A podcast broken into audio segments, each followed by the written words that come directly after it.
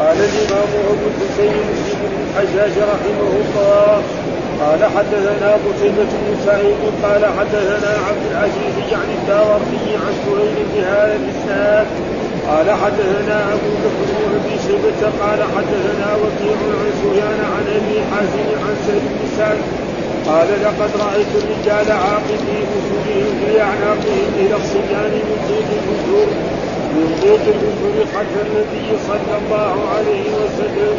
فقال قائل يا معشر النساء لا ترفعن رؤوسكن حتى يرفع الرجال. قال حدثنا عمرو بن وزهير وزهير بن حرب جميعا عن ابن عيينة قال زهير قال حدثنا سفيان بن عيينة عن الزهري سمع سالما يحدث عن ابيه وابن النبي صلى الله عليه وسلم قال إذا استأذنت أحدكم امرأته إلى المسجد فلا يمنعها قال حدثني حرملة بن يحيى قال اخبرنا ابن قال أخبرني يونس عن ابن شهاب قال أخبرني سالم بن عبد الله أن عبد الله بن عمر قال سمعت رسول الله صلى الله عليه وسلم يقول لا تمنعوا نساءكم المساجد اذا استاذنكم إليها قال فقال بلال بن عبد الله والله لنمنعهم قال فأقبل عليه عبد الله فسبه سبا سيئا. ما سمعته سبه مثله قط. وقال أخبرك عن رسول الله صلى الله عليه وسلم وتقول والله لنمنعهم.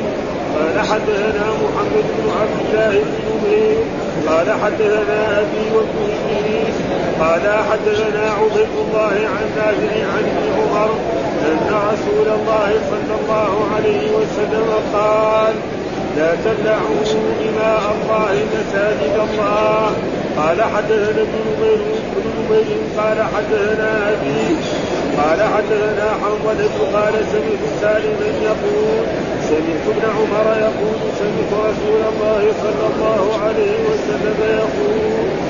إذا استأذنكم نساؤكم إلى المساجد فأذنوا لهم قال حدثنا أبو كريم قال حدثنا أبو معاوية عن الأعمش عن مجاهد عن ابن عمر قال قال رسول الله صلى الله عليه وسلم لا تمنعوا النساء من الخروج إلى المساجد بالليل فقال ابن لعبد الله بن عمر لا ندعهم لا ندعهم لا ندعهم فيخرجن فيتخذن فيتخذنه دغلا قال فزبره ابن عمر وقال أقول قال رسول الله صلى الله عليه وسلم وتقول لا ندعهم.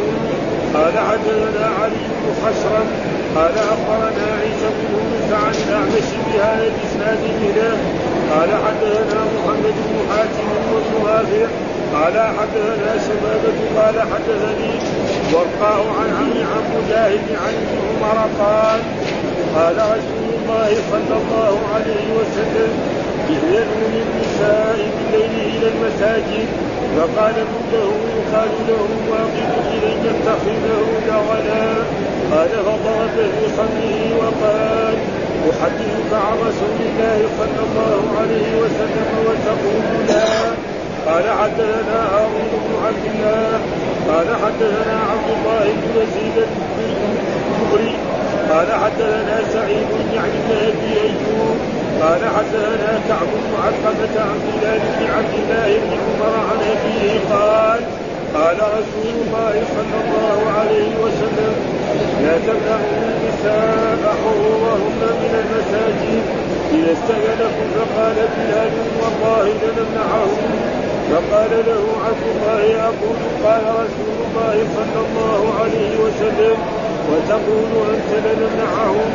قال حدثنا هارون بن سعيد قال حدثنا هارون بن سعيد الايلي قال حدثنا ابن وهب قال أخبرني مخرمة عن أبيه عن مسلم سعد أن زينب الثقفية كانت تحدث عن رسول الله صلى الله عليه وسلم أنه قال إذا شهدت احداكن العشاء فلا تطيب فلا فلا تطيب تلك الليلة.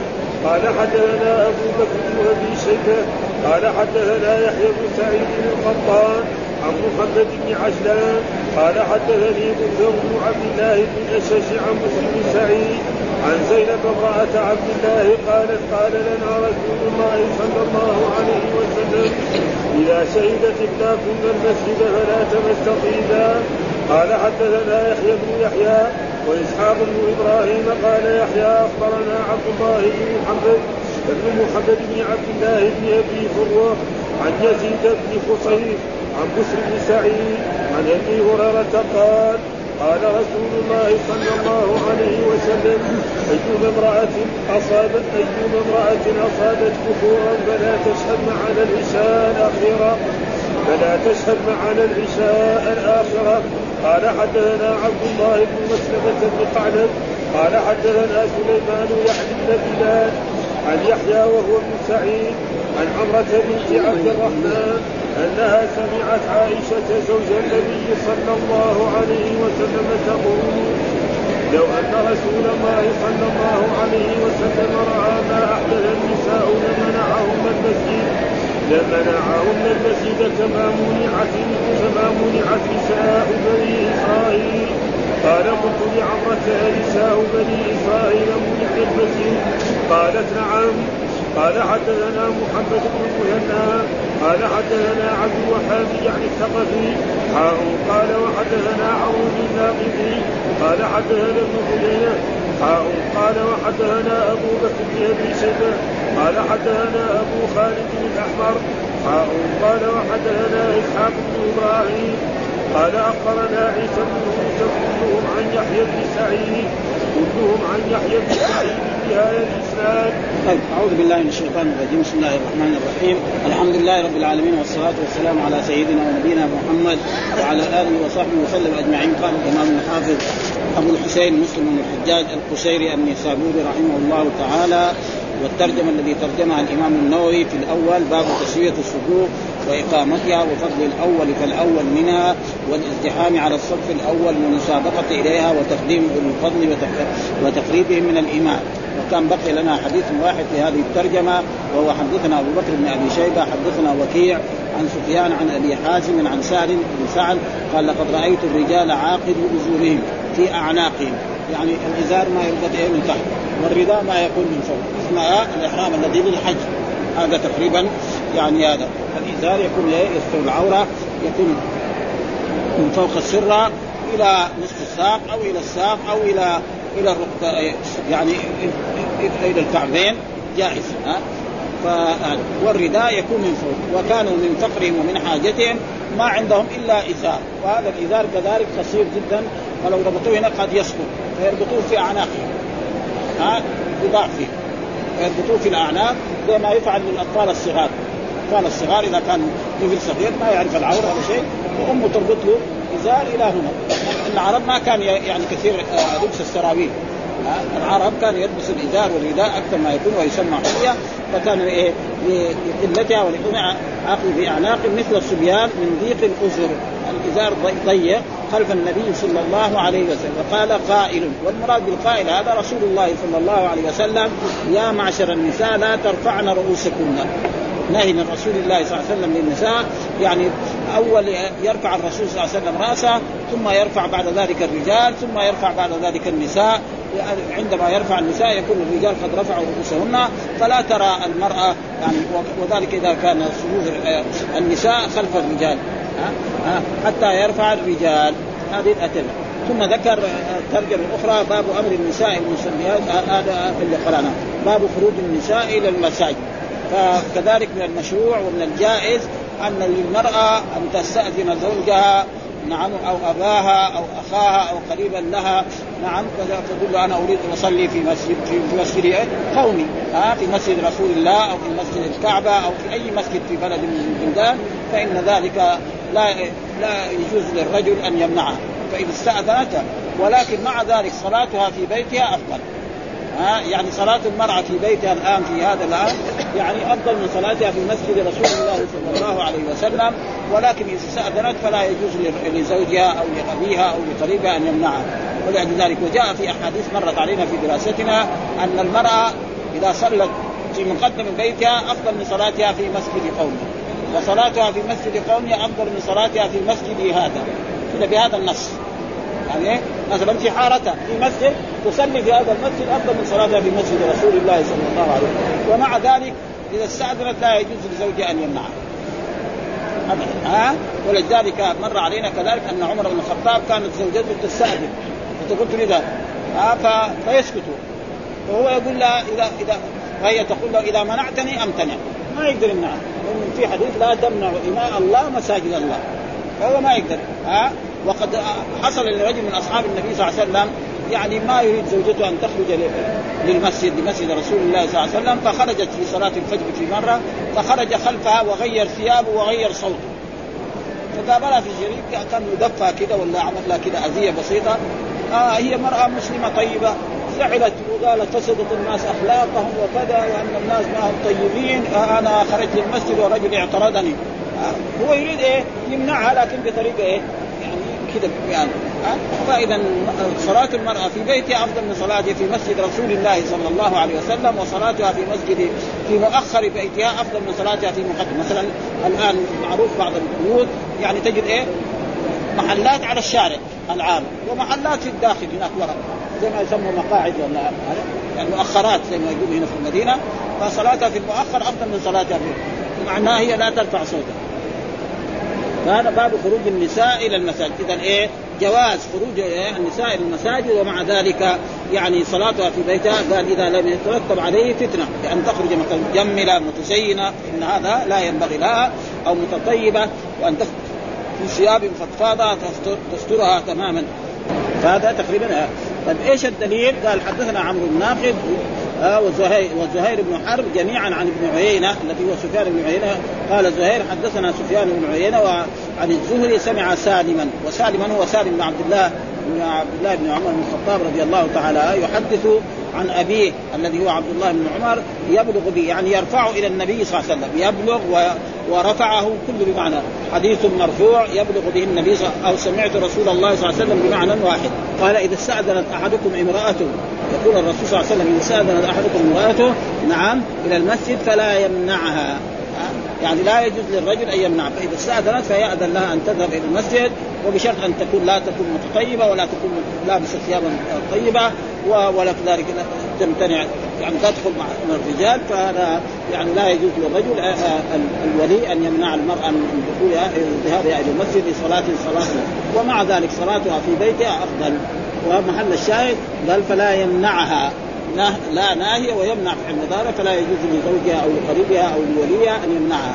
ومع ذلك صلاتها في بيتها الحديث الثاني مثل الأول الحديث حدثنا حرملة بن يحيى أخبرنا ابن وهب قال أخبرنا يونس عن ابن شهاب قال أخبرني سالم بن عبد الله أن عبد الله بن عمر قال سمعت رسول الله صلى الله عليه وسلم يقول لا تمنعوا نساءكم المساجد. كذلك لا تمنعوا أيها الرجال وأيها الأولياء نساءكم المساجد. إذا أرادت أن تذهبوا إذا استأذنكم ها بشرط أن تستأذن من زوجها. قال فقال بلال. بلال أحد أولاد عبد الله بن عمر. بلال بن عبد الله بن عمر الخطاب قال والله لنمنعهن. أقسم بالله ابن والله لنمنع النساء ما يعني زوجتي وبنتي ما أتركها ها قال فأقبل عليه عبد الله والده فسبه سبا سيئا. إيش معنى سبه سيئا؟ يعني وبخه توبيخ. أقول لك قال رسول الله وتقول ما يصح للمسلمين ها إذا الرسول أمر إنما كان قول إذا دعي إلى الله ورسوله يحكم بينهم أن يقولوا سمعنا وفي القرآن نعم يعني فلا وربك لا يؤمنون حتى يحكموك فيما شجر بينهم ثم لا يجدوا في أنفسهم حرجا مما قضيت ويسلموا تسليما. إذا قال رسول الله خلاص ما في لا أخذ ولا رد. ها ما في إلا سمعنا وأطعنا. والآية الذين آمنوا أطيعوا الله وأطيعوا الرسول وأولي الأمر منكم. فإن تنازعتم في شيء فردوه إلى الله وإلى الرسول إن كنتم تؤمنون بالله واليوم الآخر ذلك خير وأحسن. فلأجل ذلك سبه سبا بليغا ووبخه توبيخا أن الإنسان إذا يقول قال رسول الله لازم يقول سمعنا وأطعنا. فلأجل ذلك سب ولده هذا سبا بليغا ونهره ووبخه. ولا يجوز للمسلم مهما كان يعني إذا جاء يعني قول رسول الله صلى الله عليه وسلم فلازم إيه يعمل. بفعل ذلك يعني الصحابي عبد الله بن عمر سب ابنه هذا قال يمنعهن فأقبل عليه فسبه سبا. ومعنى السب مو السب يعني يعني توبيخ هذا. ها؟ يعني ما يسب كلام بذيء يعني. معلوم أصحاب رسول الله صلى الله عليه وسلم لا يسبون سب ها؟ ما سمعت سبه مثله قط. وقد ظرف لايه؟ يعني لما لما مضى من الزمان. يعني ظرف لما مضى من يعني ما فعلته قط. يعني في ماضي عوض ظرف لما يستقبل من الزمان. لا أفعله عوض معناة في المستقبل هذا تقريبا يعني إيه؟ وهو مبني على الضم دائما. ها؟ وزي دائما الظرف إذا حذف المضاف إليه ونوي معناه يبنى على الضم. وهذا كثير في القرآن. ها؟ لله الأمر من بعد ومن قبل. يعني إيش من بعد. كذا لكن مبني على وكذلك هنا قصر كثيرة هذا. ها مثلا جلس أمامه يعني أمامه يحذف وهنا كذلك قد يعني ظرف لما مضى من الزمان وعوض ظرف لما لما يستقبل من الزمان. وقال وقال عبد الله بن عمر لولده هذا بلال آه، أخبرك عن رسول الله صلى الله عليه وسلم وتقول والله لنمنعهن. لا يصح للمسلم ابدا. ها؟ فيجب على الإنسان إذا قال مثل ذلك أن يتوب. ويجب كذلك على طلبة العلم وعلى العلماء إذا صح الحديث في في مسألة علمية نعم فيجب العمل بها. وترك ما قاله الإمام لأن الأئمة كانوا يقولون إذا صح الحديث فهو مذهبي.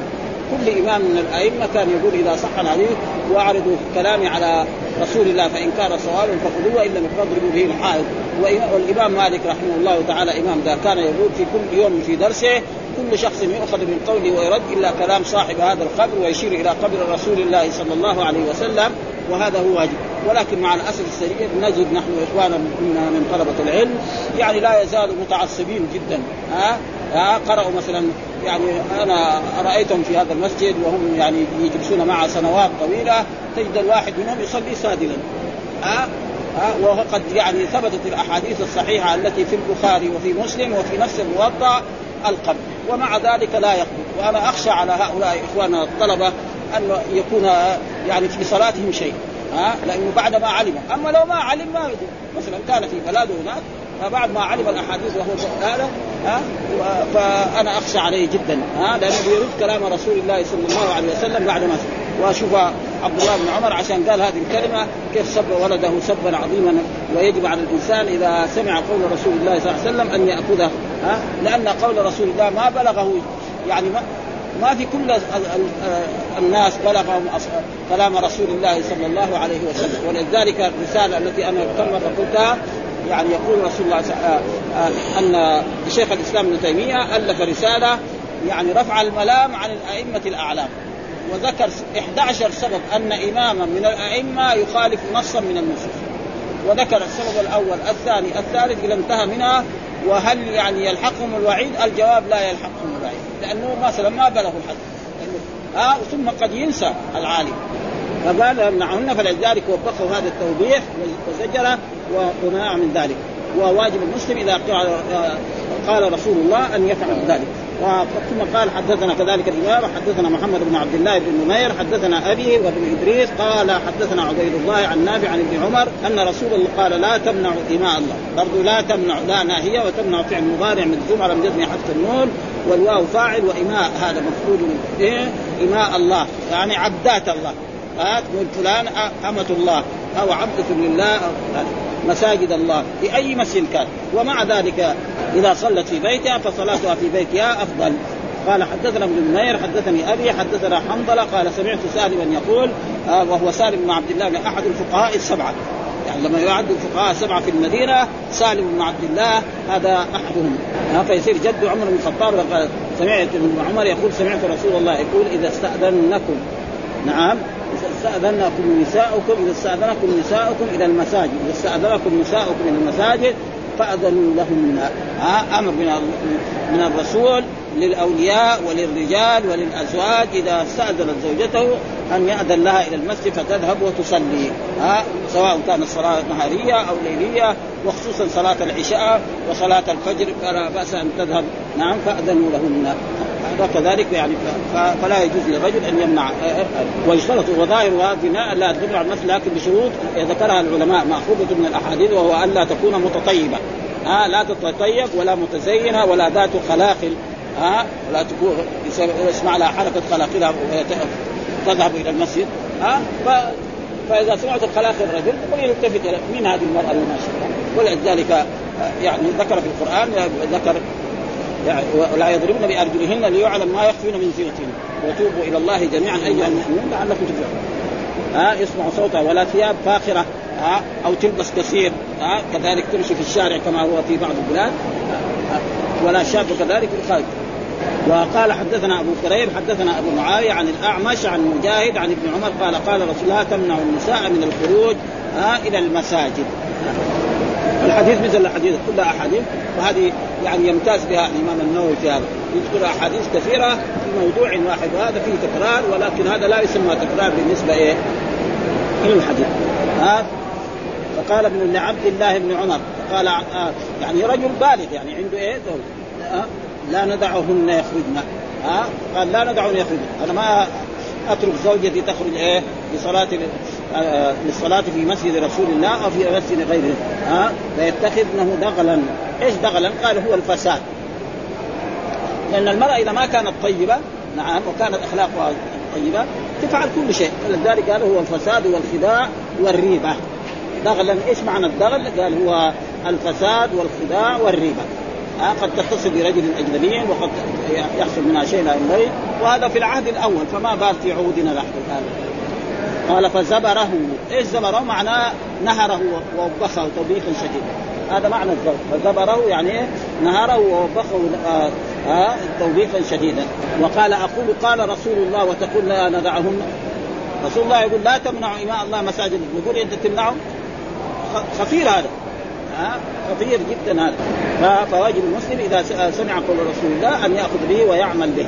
وإذا ما كان علم فإن شاء الله لا بل لا ها حدثنا علي بن مشرم أخبرنا عيسى بن يونس عن الأعمش بهذا الإسناد مثله. ها مثل يعني وهو قوله لا تمنعوا إماء الله مساجد أو لا تمنعوا النساء إلى المساجد. وحدثنا كذلك محمد بن حاتم وابن رافع قال حدثنا شبابه حدثني ورقاء عن عمرو عن مجاهد عن ابن عمر قال قال رسول الله ها ائذنوا للنساء بالليل إلى المساجد. أمر من الرسول صلى الله عليه وسلم. وهذا الأمر إيه؟ أمر يعني إباحة. ما نقدر نقول يعني أمر واجب. ها لأنه ليس كل أمر للوجوب. يفهم طلبة العلم ليس كل أمر من رسول الله صلى الله عليه وسلم للوجوب. قد يكون الأمر للوجوب وقد يكون الأمر للندب والاستحباب وقد يكون للتهكم وقد يكون للإباحة. ومن ذلك الأمثلة آه صلوا قبل المغرب صلوا قبل. هذا إيه؟ سنة. ويجي مثلا إذا قضيت الصلاة فانتشروا في الأرض. فانتشروا هذا فعل أمر. آه لكن معناه مباح. يخرج يصلي الجمعة يروح السوق يبيع ويشتري. نعم وكذلك؟ إذا حللتم فاصطادوا. إذا حللتم فاصطادوا. يعني إيه إذا تركتم الإحرام انتهينا من إحرام العمرة والحج نأخذ بندقية ونروح نجري ورا الطيور؟ لا ما هو لازم. يعني مباح. فإذا إنسان يبغى يصيد يخرج عن عن عن, عن الحرم ويصيد. يتفضل هذا معناه. فليس كل أمر وكل عالم يقول أن كل أمر للوجوب فتقريبا فقهه تعبان. ها ها لأنه أحاديث كثيرة تدل على. زي هذه إذا حللتم فاصطادوا. إيش يسوي يقول إنه يجب اذا كل كل الحجاج لازم يأخذوا بنادق ويخرجوا خارج الحرم ويقولوا ما حد يقول هذا؟ ها؟ ها؟ فغلط يعني؟ وهذا مساكين يعني في طلبة علم وفي يقولوا هذا الكلام. ها؟ ابن حزم وامثاله رجل عالم لكن عنده خربطات يعني. ها؟ ها؟ كل أمر وجود كثير أشياء يعني. وليس كل كذلك نهي يعني للتحريم. ابدا. ها؟ إذا دخل أحد المسجد فلا يجلس حتى يصلي. لا يجلس هذا نهي. يعني إذا إذا قلنا لا الوجوب يصير معناه يعني تحية المسجد واجبة. ما حد يقول هذا. إنما هي سنة. فلو دخل إنسان وجلس لا نقول له أتيت بحرام. يعني نقول أتيت بشيء مكروه. الرسول قال لك صلي ركعتين صلي ركعتين. وكذلك في غير أوقات النهي. وفي أوقات النهي إذا صلى يعني يمكن ما يقبل له شيء. وإذا ما صلى وجلس على كل حال أحاديث موجودة صحيحة في ما دخل فلا يجلس حتى يصلي ركعتين. وأحاديث النهي أقوى. وهو نهى رسول الله عن الصلاة بعد الصبح وبعد العصر وعند طلوع الشمس وعند غروبها. ها وجاء في الأحاديث الصحيحة إذا أمرتكم بأمر فأتوا منه وإذا نهيتكم إيه فاجتنبوه. وإذا صلى ما يقال له. ها وثم قال إذن للنساء بالليل قال إن له يقال له واقد. ها اذا يتخذنه دغلا ها يتخذنه دغلا وهو إيه؟ الفساد والخداع وليس كل مرأة فاسدة. حاشا. ها خصوصا النساء اللي في في عهد أصحاب رسول الله صلى الله عليه وسلم. قال فضرب في صدره يعني ضربه كده على صدره وقال أحدثك عن رسول الله. وتقول لا. لا ينبغي المسلم أن يقول لا. وهذا شاب ومعلومة تشهد ثم ذكر قال حدثنا قال الإمام مسلم حدثنا هارون بن عبد الله حدثنا عبد الله بن يزيد المقري حدثنا سعيد يعني بن أبي أيوب قال حدثنا كعب بن علقمة عن بلال ابن عبد الله وهو ابن عبد الله بن عمر عن أبيه وهو عبد الله بن عمر قال قال لا تمنع النساء حدودهن من المساجد. لا تمنعوا أيها الأولياء وأيها الرجال وأيها الآباء النساء حدودهن. يعني إذا أرادت أن تذهب إلى المسجد واستأذنتك أيها الرجل وأيها الزوج وأيها الأخ فاذن لها ها إذا استأذنوكم ها إذا استأذنوكم لازم دائما الفعل لما يسند إلى إلى النساء ما تلحقه علامة الجمع. وهنا قال إذا استأذنوكم وكان لازم التعبير العربي إذا استأذن إذا استأذنكم ها ها أو إذا استأذنكم. التوكيد إيه؟ بنون التوكيد. لكن هنا يقول هذا صحيح والسبب في ذلك وإلا كان لازم ما يقال استأذنك. وهذا معروف أنه يعني لا تلحق. يعني جمع النساء ها يعني لا تلحق يعني الواو لجمع النسوة. ها ودائما الفعل لما يسند للجمع يكون مفرد. قد أفلح المؤمنون. ما قال قد افلحوا المؤمنون. ما يصح. ها إلا في لغة ضعيفة وهي لغة تسمى أكلون البراغيث. لغة أكلون البراغيث. وقد تكلم بها رسول الله صلى الله عليه وسلم في أحاديث. يتعاقبون فيكم ملائكة بالليل وملائكة موجود حديث مر علينا يتعاقبون. وإلا كان التعبير يتعاقب فيكم ملائكة بالليل وملائكة كذا ها؟ وقد أفلح المؤمنون الذين في صلاتهم خاشعون ها؟ فإذا جائز لكنها ضعيف. ولذلك هنا إذا استأذنوكم يقول هو الإمام مسلم هكذا وقع في أكثر الأصول. ها؟ استأذنوكم. وفي بعضها استاذنكم وهذا ظاهر وهذا والأول صحيح يعني الرواية صحيحة. ليش هذا؟ قد يكون يعني مثلا رجل عالم يعني ما عنده قوة في اللغة العربية في النحو. يصير هذه الأشياء. يعني. ليس كل الناس واحد يكون في الحديث في المية مية محدث يجي في اللغة العربية يكون ما هو قدر كذا يعني آه في ولذلك يعني الرجال صحيحة والحديث صحيح استأذنوكم.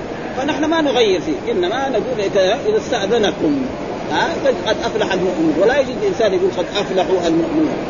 ابدا إلا في لغة ضعيفة يعني موجودة في اللغة العربية منها يتعاقبون فيكم ملائكة بالليل وملائكة بالنهار وكذلك مثلا أكلون البراغيث. هذا كان الرجل ما يقول أكلون البراغيث كان يقول أكلني البراغيث. ها؟ فقال أكلوني. لأن الواو والجماعة تكون للعقلاء والبراغيث؟ غير عاقل. ما يصح في اللغة العربية ابدا. فإذا وجد ولذلك يقول هذه لغه اكلون البلاغه ها تقول أنت نمنعهن. كيف تقول أنت يمنع والرسول يقول لا تمنعوا. هذا ما ينبغي للمسلم أن يفعل ذلك وأي إنسان فعل مثل ذلك فيجب عليه أن يكون وهذا يدل على أن التعصب لقول أحد ما أنه لا ينبغي. ها كما يعني بعض الناس المتعصبين يقول لك انه لو تجي الأحاديث الصحيحة 100 حديث وتخالف قول الإمام هو ما يأخذ بها ولا يعمل. فهذا خطير يعني. ثم ذكر الإمام مسلم قال حدثنا هارون بن سعيد الأيلي حدثنا وهب قال أخبرني مخرمة عن أبي عن ان آه، ابن سعيد أن زينب الثقفية آه كانت تحدث عن رسول الله أنه قال إذا شهدت إحداكن العشاء فلا تطيب تلك الليلة. يعني إذا أي مراه أرادت أن تحضر العشاء مع رسول الله صلى الله عليه وسلم أو تحضر العشاء مع أبي بكر أو مع عمر أو مع عثمان أو في عصرنا هذا لا تتطيب. والنساء يتطيبن ويخرجن الشارع في عصرنا هذا ولذلك يعني ندب الإسلام إلى أن المرأة تتطيب بطيب يعني لا ليس له رائحة. والرجل يكون يتطيب بطيب إيه؟ له لون. يعني كذا في أحاديث مرت عليه. يكون له لون طيب النساء. والرجل لا يكون طيب له رائحة. ها فلا تطيب تلك الليلة. إذا لا تخرج للعشاء فلا تطيب تلك الليلة عشان لما تخرج من المسجد يظهر رائحة الطيب فهذا في نهي من رسول الله صلى الله عليه وسلم. معناه إذا أراد الشهود أو قوله صلى الله عليه وسلم أيما. والحديث الثاني كذلك مثل الحديث الأول حدثنا أبو بكر بن أبي شيبة حدثنا يحيى بن سعيد القطان عن محمد بن عجلان حدثني بكير بن عبد الله بن الاشج عن بسر بن سعيد عن زينب امراه عبد الله. والمراد زينب امراه عبد الله بن مسعود. ها؟ لأن هي معروفة عن عبد الله قلنا دائما إذا أطلق فالمراد به عبد الله بن مسعود. في أغلب الأحاديث إذا كان يعني قال لنا رسول الله إذا شهدت إحداكن المسجد فلا تمس طيبا. آه الرسول قال للنساء في وعظهن إذا شهدت إحداكن المسجد يعني أي مسجدين فلا تمس طيبا. آه بل تذهب بدون إيه؟ طيب وتصلي ثم تعود إلى بيتها. وكذلك قال حدثنا يحيى بن يحيى وإسحاق بن إبراهيم قال يحيى أخبرنا عبد الله بن محمد وابن عبد الله بن أبي فروة عن يزيد بن خصيفه عن بسر بن سعيد عن أبي هريرة قال قال رسول ايما امرأة أصابت بخورا فلا تشهد معنا العشاء. أيما وهذه من ألفاظ العموم. زي كن ها؟ ايما امرأة. أي امرأة كبيرة أو صغيرة أو عجوز ها؟ أو فتاة إذا أصابت بخورا فلا تشهد معنا العشاء الآخرة. والمراد بالعشاء الآخرة هي العشاء التي سماها الرسول العتمة. وتقدم لنا أن الرسول نهى عن تسميتها العتمة ولكن في حديث مر علينا سماها الرسول العتمة لأن العرب كانوا يسمون المغرب العتمة العشاء. آه فلو قال العشاء يظن إيه بعض المغرب فلذلك سماها العتمه عشان إيه يفهمها أصحاب رسول الله صلى الله عليه وسلم ويفهمها الناس. هذا ليس عشاء واحد فلا توصف بالآخرة. فهذا القول غلط. يقول هنا فيه دليل على جواز قول الإنسان العشاء الآخرة وأما ما نقل عن الأصمع أنه أنه قال من المحال قول العامة العشاء الاخره لأنه ليس لنا إلا عشاء واحدة فلا توصف بالاخره فهذا القول غلط في هذا الحديث. وقد ثبت في صحيح مسلم آه، عن جماعة من الصحابة وصفها بالعشاء الآخر وألفاظ بهذه مشهورة في هذا الباب في هذه الأبواب والتي بعدها. فلا يجوز يعني العشاء الآخرة معناه العشاء التي تكون بعد إيه؟ يعني مغيب الشفق. والعشاء الأولى المغرب. وحدثنا عبد الله بن مسلم بن القعنب حدثنا سليمان يعني بن بلال عن يحيى وهو ابن سعيد القطان عن عمرة بنت عبد الرحمن وهي تلميذة لعائشة رضي الله تعالى عنها زوج النبي صلى الله عليه وسلم. آه، أنها قالت سمعت عائشة زوج النبي صلى الله عليه وسلم زوجة ولا يقال زوجة. هذا الفصيح يعني. ها آه، يقال مثلا عائشة زوج النبي صلى الله عليه وسلم. ولا يقال وإذا قيل زوجة يجوز لكنه ضعيف. يعني ضعيف. ها؟ تقول لو أن رسول الله صلى الله عليه وسلم رأى ما أحدث النساء لمنعهن المساجد. يعني هي بعد وفاة رسول الله صلى الله عليه وسلم عاشت مدة من الزمن فتقول يا لو أن رسول الله رأى ما أحدث النساء لمنعهن المساجد. من الأشياء التي لا تليق إذا جاءت خارج المسجد قد تتزين وقد كما منعت نساء بني إسرائيل. فإن بني إسرائيل يعني منعهم الأنبياء فموسى عليه السلام وكهارون وكيوسف وغير ذلك من الأنبياء وعيسى كلما قال فقلت لعمر النساء بني منعنا المسجد؟ قالت نعم. وكذلك لو كان الرسول يعني عاش بعد ذلك لكان منعهن من النساء فلذلك يجب على المرأة إذا ارادت تخرج المسجد تخرج يعني ما تخرج متزينة ولا تخرج بطيب ولا بشيء قال نعم. قال حدثنا محمد بن مسلمى وحدثنا عبد الوهاب يعني الثقفي وحول الإسناد وقال حدثنا عمرو الناقد حدثنا سفيان بن عيينة وحول الإسناد وقال حدثنا أبو بكر بن أبي شيبة حدثنا أبو خالد الاحمر حول الإسناد وقال حدثنا إسحاق بن إبراهيم قال أخبرنا عيسى بن يونس كلهم عن يحيى بن سعيد بهذا الإسناد مثله. وقال كذلك الباب لها باب التوسط في القراءة في الصلاة الجهرية وبين الجهر والإصرار إذا خاف من الجهر مفسدة يعني إذا كان الإمام يصلي الإنسان يصلي في بيته أو يصلي في مكان يسمعه بعض المعاندين للإسلام فلا يرفع صوته بالقراءة. فإن رسول الله صلى الله عليه وسلم لما كان في مكة وكان يرفع صوته بالقراءة حتى يسمع أصحاب أصحاب رسول الله قراءته كان المشركون يأتون ويسبون رسول الله صلى الله عليه وسلم ويسبون القرآن ومن أنزل القرآن. فأنزل الله تعالى هذه الآية ولا تجهر بصلاتك ولا تخافت بها وابتغي بين ذلك سبيلا. فكذلك إنسان مثلا يجري مثلا الناس يعني عندهم أشياء شركية أو أشياء ما يجين بعنف. لأن إذا جاءوا بعنف يسبوه ويسبوا من قال هذا الكلام. فلا يعني يجي بعنف. فلذلك الرسول نهي عنه ولا تجهر بصلاتك ولا تخافت بها. ها كان الرسول يقرأ حول الكعبة ويقرأ القرآن برفع الصوت. فيأتي المشركون فيسبون القرآن. ومن أنزل القرآن ويسبون الرسول صلى الله عليه وسلم. فأنزل الله تعالى هذه الآية ولا تجهر بصلاتك ولا تخ يعني لا تقرأ سرا ما يسمع أصحابك. ها, ها؟ وابتغي بين ذلك يعني طريقا وسطا. وهذا وأما إذا ما كان هناك مفسدة فلا بأس أن الإمام يجهر بالقراءة ويجهر بالقرآن. وكذلك في المساجد يعني إذا جاء الناس إلى إلى المسجد فلا يجوز إيه رفع اصواتهم بالقرآن. فإنه جاء في حديث عن رسول الله صلى الله عليه وسلم لا يجهر الرسول رأى أصحابه وكانوا يجهرون بقراءة فقال لا يجهر أحدكم على أحد بالقرآن. وكذلك الدروس وكذلك كل شيء. آه ولذلك يعني رأى يعني آه بعض العلماء والمشرفون على المسجد أنه لا يكون مكبر الصوت في كل مكان. لأنه إذا كان في مكبر الصوت في كل مكان رجل يبغى إيه؟ يصلي. نعرف فإذا مكبر الصوت ما يقدر يقرأ. أو يبغى يذكر الله أو يبغى يصلي على النبي صلى الله عليه وسلم أو يبغى يذاكر دروس علمية. رجل يعني رجل ما هو ما له حاجة بدرس فلان أو محمد أو خالد أو لا فلذلك نعم وجعلوا في مكان خاص يعني يكون له يعني وهذه يعني فكرة جيدة جدا. مثل مثلا الإمام لما يصلي مكبرات الصوت عشان يسمع الناس كلهم فهذا شيء طيب. ولذلك هنا يقول باب التوسط في القراءة يعني لا يرفع صوته مرة في الصلاة والجاري وهذا في حديث بهذا. لا يجهر أحدكم على أحد بالقرآن بهذا النص. الحديث موجود في في السنن وموجود في الموطأ. مر علينا. ها؟ في الموطأ الإمام مالك. باب التوسط في القراءة في الجهرية بين الجهر والإسراء. إذا خاف من الجهر مفسدة. بأن يسب أو يتعدى عليه أو يضرب أو يفعل فهذا آه الرسول نهاه الرب سبحانه وتعالى أن يجهر بهذا.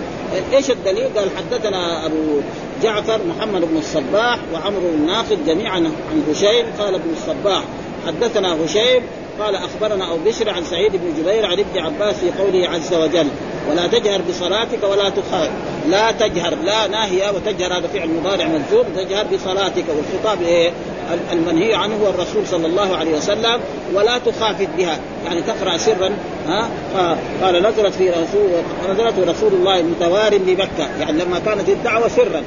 لما كانت إيه؟ الدعوة سرا. فكان إذا صلى باصحابه رفع صوته بالقرآن فإذا سمع ذلك المسب القرآن. ومن انزله ومن جاء به.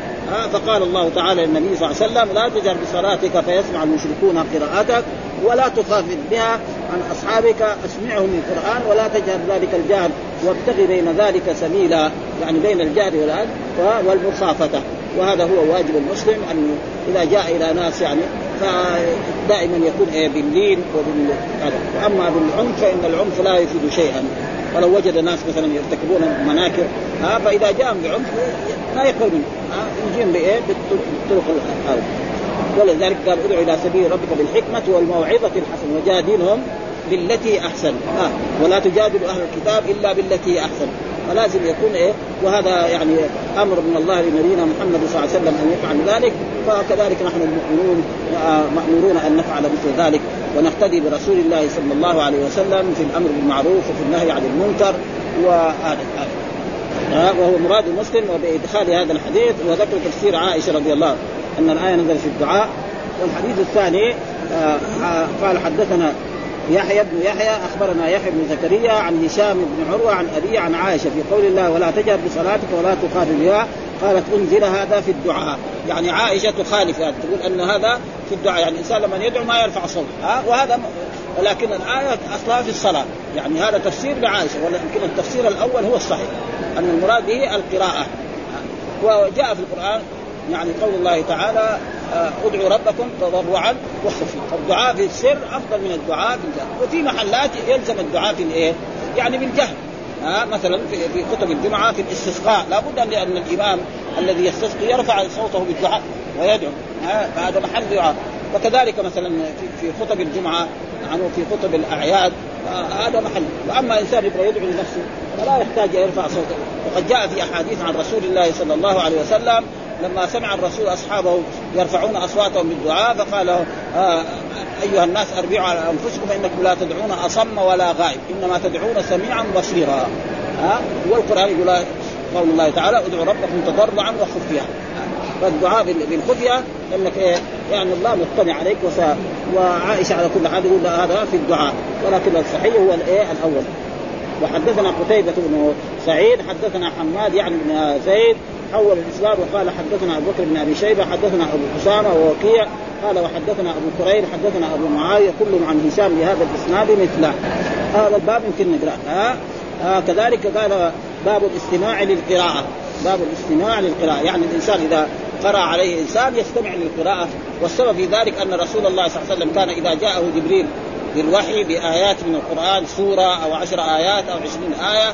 كان الرسول إذا قرأ جبريل مثلا قرأ مثلا ولا تجهر بصلاتك ولا هو كمان يقرأها بلسانه. ها عشان إيه؟ يحفظها. آه فأنزل الله تعالى بعد ذلك لا تحرك به لسانك لتعجل به. إن علينا جمعه وقرآنه فإذا قرأناه فاتبع قرآنه. فأنزل الله تعالى هذه الآية. يعني أن الرسول لا تحرك يعني إذا قرأ جبريل عليك آية أو آيتين أو عشرين آية أو خمسين آية أنت استمع بس. إذا انتهى جبريل من القراءة وإذا محفوظ في صدره. دغري يقرأه على أصحابه. على طول. حافظ. ها؟ ومعلوم أن بعض العرب ثبت عندنا في التاريخ يحفظ من مرة. يقرأ عليه قصيدة 20 بيت ولا 50 بيت وإذا به وكثير من كانوا من الحكام كذا يفهم. ها؟ يجي واحد ساي قصيدة يبغى يمدح الأمير ده لما يقول له أنا حافظه. ها؟ ما يعطي له. وكمان بنتي في البيت هناك جوا كمان حافظه. وكذلك الجارية. ويصير إيه؟ ولا يزال إلى الناس في أذكياء يحفظ من إيه؟ من مرة.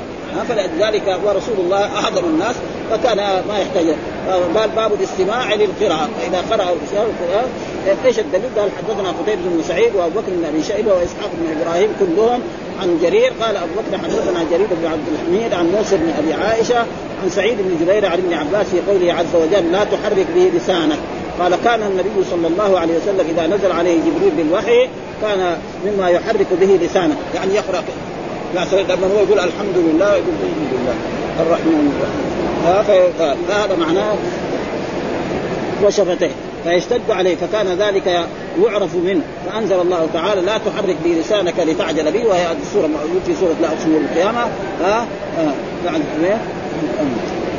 لا تعرف لسانك تعجل به أخذه إن علينا جمعه جمعه في صدرك وقرآنه. فإذا قرأناه يعني فإذا قرأه رسولنا يعني ما الله بيقرأ. فإذا قرأناه يعني قرأه رسولنا الذي هو جبريل فاتبع قرآنه. إن علينا جمعه في صدره وقرآنه فتقرأه. فإذا قرأناه فاتبع قرآنه. ثم إن علينا بيانه. أي شيء يشكل ها فاستمع فقال أنزلناه فاستمع له إن علينا بيانه. أن نبينه بلسانك فكان إذا أتاه جبريل أطرق فإذا ذهب قرأه. يعني يسمع الآيات كلها فإذا وكما وعده الله. وهذا هو الواجب. وكذلك يعني إذا إنسان يقرأ على إنسان يستمع أول ثم بعد ذلك يناقض.